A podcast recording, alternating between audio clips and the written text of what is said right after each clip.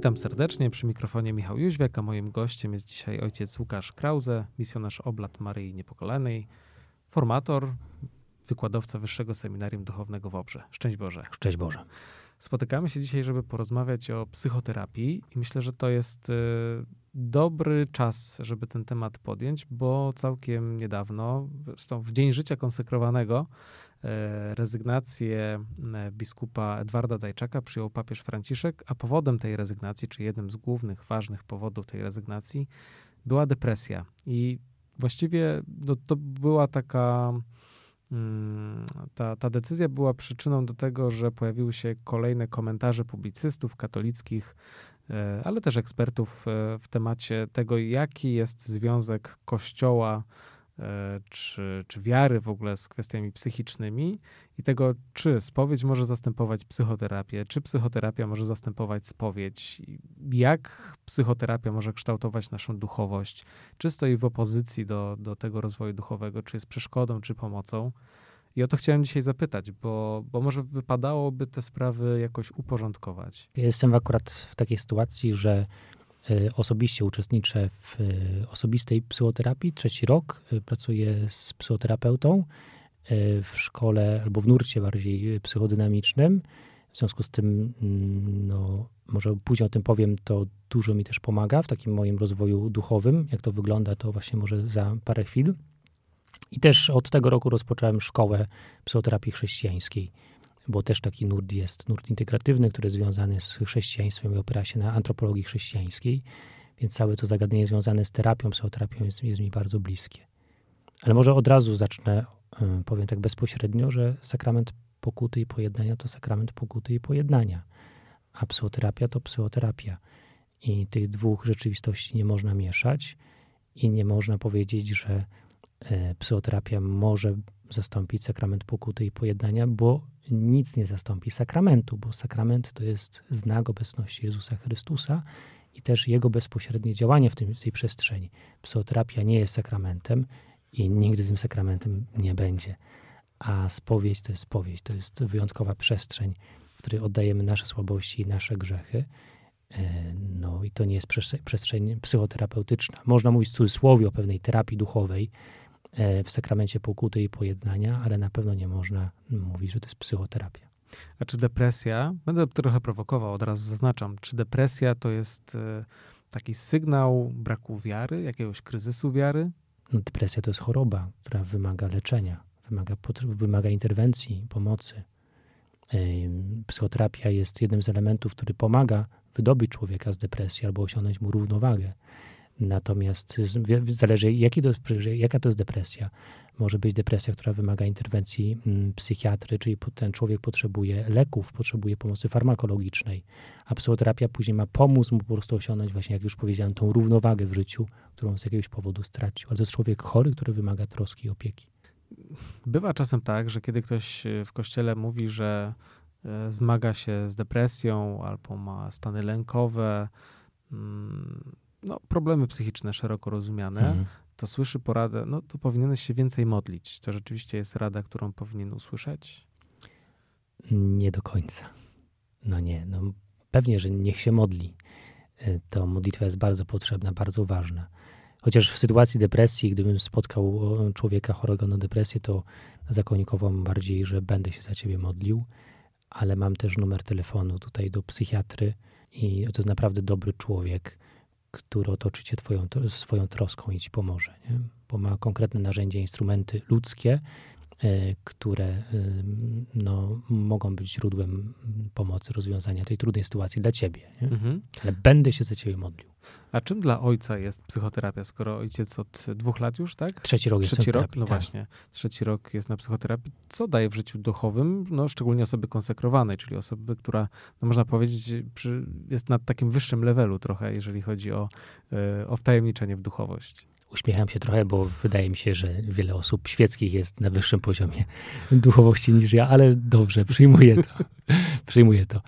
E, no, co mi pomaga? W ogóle mm, miałem taką, o tyle taki interesujący początek związany z tą psychoterapią, dlatego że robiłem szkołę formatorów, uczyłem się w szkole formatorów, prowadzona, to szkoła prowadzona przez jezuitów e, w Krakowie, w Akademii Ignacjanum. I ta szkoła, mm, w dynamice szkoły jest, jest psychoterapia, trzeba tą psychoterapię rozpocząć. Jezuici to ładnie nazywają kolokwia, kolokwiami wzrostu, no ale tam jest element, y, silny element psychoterapii w oparciu o nurt psychodynamiczny. I też przyznaję, że rozpocząłem tę szkołę między innymi z tego powodu, żeby tą psychoterapię zrobić, bo chciałem doświadczyć najpierw. Poszedłem z ciekawością. Ciekawe, co tam będzie. Nie? Ciekawe, czy ja się czegoś o sobie dowiem, jak to w ogóle będzie wyglądało. Nie miałem jakiegoś takiego konkretnego wyobrażenia. I moim pierwszym psychoterapeutą był, był ksiądz i on mnie prowadził przez dwa lata. Mm, no to było taka, taka okazja konfrontacji siebie jako człowieka. Przede wszystkim y, w tym, co było dla mnie najbardziej kluczowe, może najwa najważniejsze w tym procesie, y, to ten ksiądz, terapeuta odsłonił mi, pokazał mi pewne struktury mojego działania, w jakich strukturach w ogóle tkwię, jaki mam styl osobowości, skąd pojawiają się we mnie różne napięcia, wahania nastrojów, dlaczego taki jestem, a nie inny, co mnie prowokuje do pewnych rozwiązań.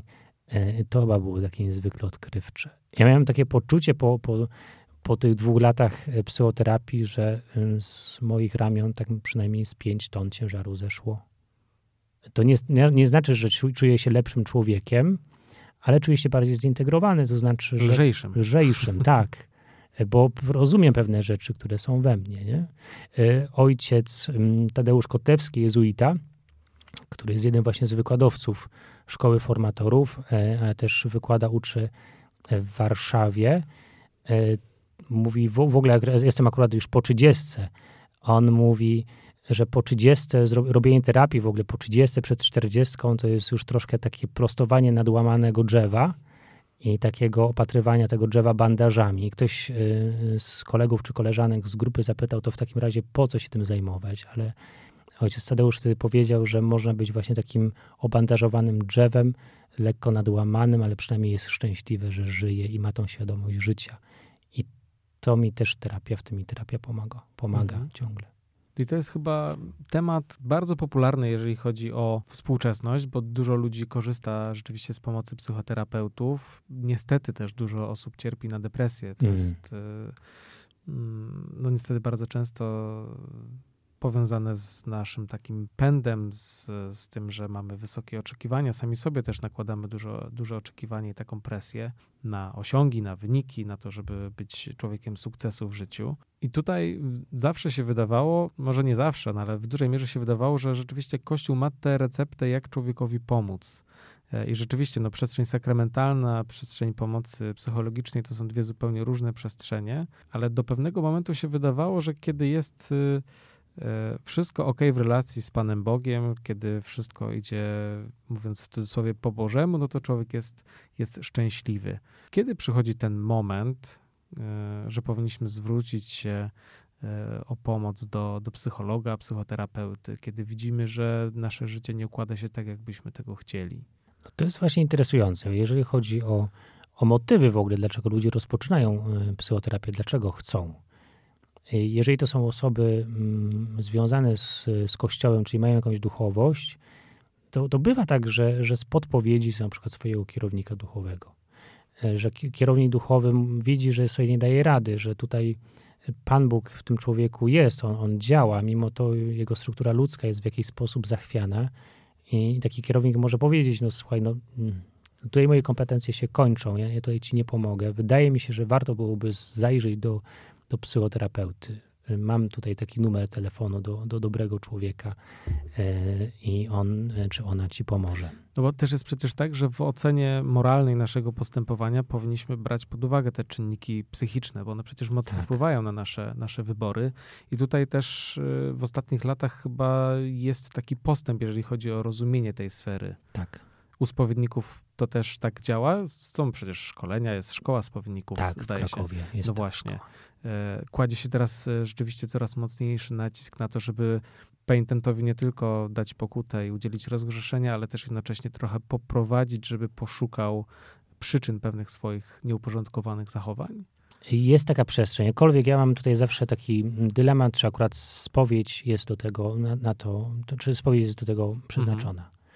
Bo, bo spowiedź jest taką przestrzenią, w której wyznaje się grzechy. i wtedy y, jako, jako spowiednik, jako szafarz tego sakramentu ewentualnie zwracam uwagę na jakieś wątki moralne, i żeby pomóc temu człowiekowi bardziej sobie radzić z moralnością też i odnajdywać się w tej, w tej przestrzeni życia. Ale jeżeli widzę jakieś słabości ludzkie, no to mam wtedy dylemat, czy akurat spowiedzi mogę. Jeżeli mam czas, to mogę o to zapytać, ale w takiej rzeczywistości kościoła zwykle raz, że nie ma czasu, a dwa, mm, konfesjonał nie jest tak zbudowany, żeby prowadzić takie rozmowy, no bo penitent zwykle klęczy, y, nie ma na to za bardzo czasu, nie?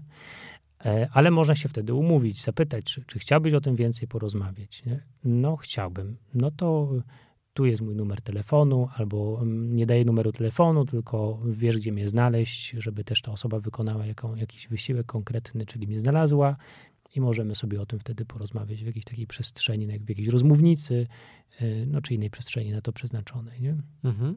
Z tajemnicą oczywiście, bo to wtedy taka rozmowa duchowa też jest objęta tajemnicą. A może receptą i takim, takim jakimś rodzajem połączenia spowiedzi z e, psychoterapią jest e, kierownictwo duchowe?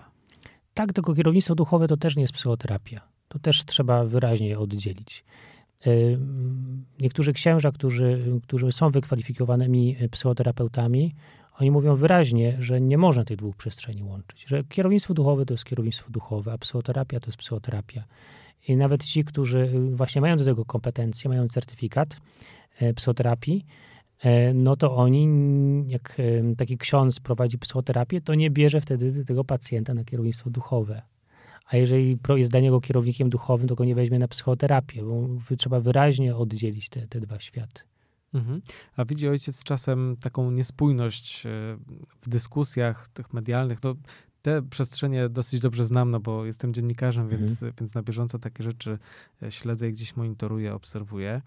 Kilka lat temu, kiedy też e, pojawiały się jakieś skandale związane z nadużyciami seksualnymi w kościele, ludzie zaczęli no, odchodzić od kościoła, co tu dużo mówić. To, to chyba też widać dosyć mocno w statystykach, też szczególnie w tym młodym pokoleniu. Jakiś czas temu też była dyskusja na temat spowiedzi dzieci tak. E, i no, wielu dziennikarzy burzyło się, podnosiło e, takie no, święte oburzenie, że no, jak można mówić, jak dziecko, ale też osoba dorosła może iść do obcego mężczyzny i mówić o swoich jakichś tam najintymniejszych rzeczach, przestrzeniach w życiu. Ale z drugiej strony, przecież kiedy idziemy do psychoterapeuty, to też te kwestie poruszamy. I tutaj tego oburzenia nie ma. No, oczywiście, psychoterapeuta czy psychiatra jest lekarzem, tak. E, ale z drugiej strony, jeżeli jesteśmy osobami wierzącymi, no to też wiemy, na czym polega sakrament pokuty i pojednania tak. i wiemy, jakiemu celowi służy. Nie ma ojciec tutaj poczucia takiej dysproporcji albo niekonsekwencji, jeżeli chodzi o ocenę e, właśnie tych dwóch zjawisk, tego powierzania swoich tajemnic, tych, tych intymnych takich e, zwierzeń księdzu w sakramencie spowiedzi i pojednania i psychoterapeucie? Tak, jest, jest tutaj wyraźnie, to, to rzeczywiście jest, jest zachwiana.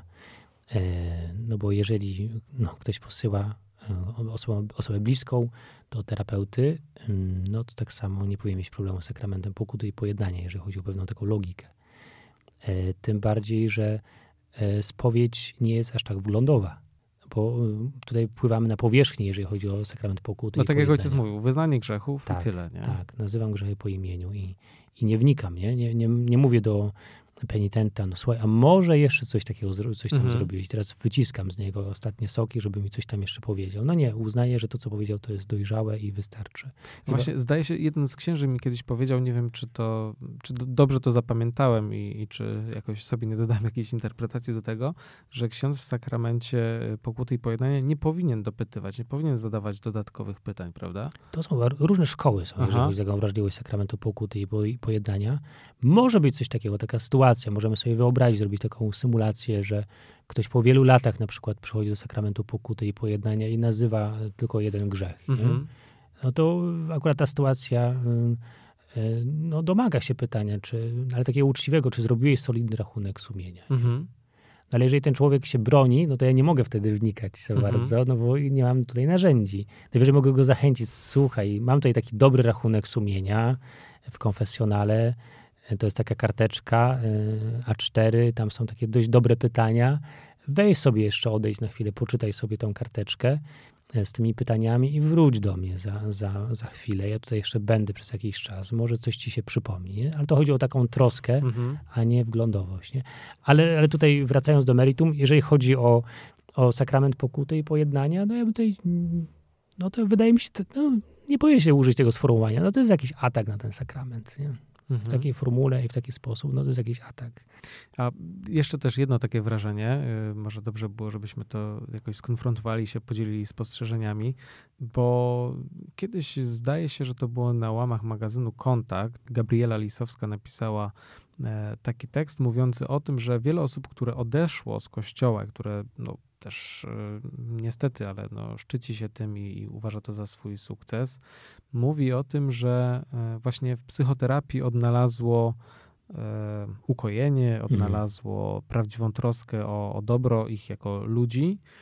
Mm, Nie ma ojciec takiego wrażenia, że ten mechanizm, który wypchnął tych ludzi z kościoła, zadziałał dokładnie jakby w odwrotny sposób. To znaczy to, co ich w kościele odepchnęło, to ich przyciągnęło w psychoterapię. Mhm. Oni rzeczywiście, nie bez powodu zapytałem o to na, na początku naszej rozmowy, m, mówiąc o tym, że niektórzy twierdzą, że psychoterapia zastępuje spowiedź, bo zdaje się, że dla ludzi, którzy gdzieś właśnie utracili wiarę, czy odeszli z kościoła, ten, ten, te- ta, ta psychoterapia zastępuje spowiedź jeden do jednego niemalże. To znaczy właśnie oni nie widzą sprzeczności w tym, żeby nie mówić jednocześnie księdzu w sakramencie spowiedzi e, swoich grzechów, ale nie mają problemu z tym, żeby pójść do psychoterapeuty i, i opowiadać o tych najintymniejszych szczegółach.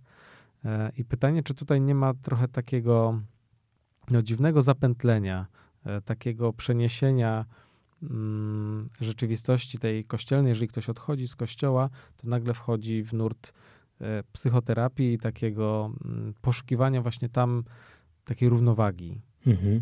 Czy tutaj, bo y, moim zdaniem, tak z mojej perspektywy to wygląda, najlepsze jest zachowanie e, równowagi, to znaczy uporządkowanie sfery duchowej, religijnej, relacji z Bogiem i jednocześnie, kiedy jest to potrzebne, szukanie e, pomocy psychologicznej, bo Tak. E, Teraz tak myślę głośno, jeżeli chodzi o różnicę w sakrame- sakramentu pokuty i pojednania z psychoterapią, może to chodzi o pewnego rodzaju też porządek, e, że sakrament pokuty i pojednania zakłada już pewną dojrzałość. To znaczy, że Mhm. mam kontakt ze sobą i wiem, co jest y, moją winą, co jest moim grzechem. I przychodzę z gotowym produktem, E, bo zrobiłem rachunek sumienia, wzbudziłem wszystkie elementy mm, związane z dobrym przygotowaniem, z, z pięcioma warunkami dobrej spowiedzi i, i, i już przychodzę z gotowym produktem i nazywam konkretnie swoje winy. Czy jestem świadomy siebie? Wiem, co jest moją winą, co jest moim grzechem. Z tyłu głowy mając oczywiście świadomość tego też, co jest moim dobrem. Natomiast psychoterapia, ona dopiero jest y, odkrywcza, odkrywkowa.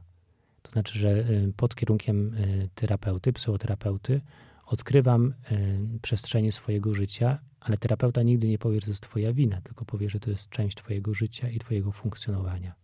Ale przy okazji odkrywam prawdę o sobie, co w takiej nomenklaturze Kościoła mm, mo- moglibyśmy nazwać wtedy grzechem. Nie?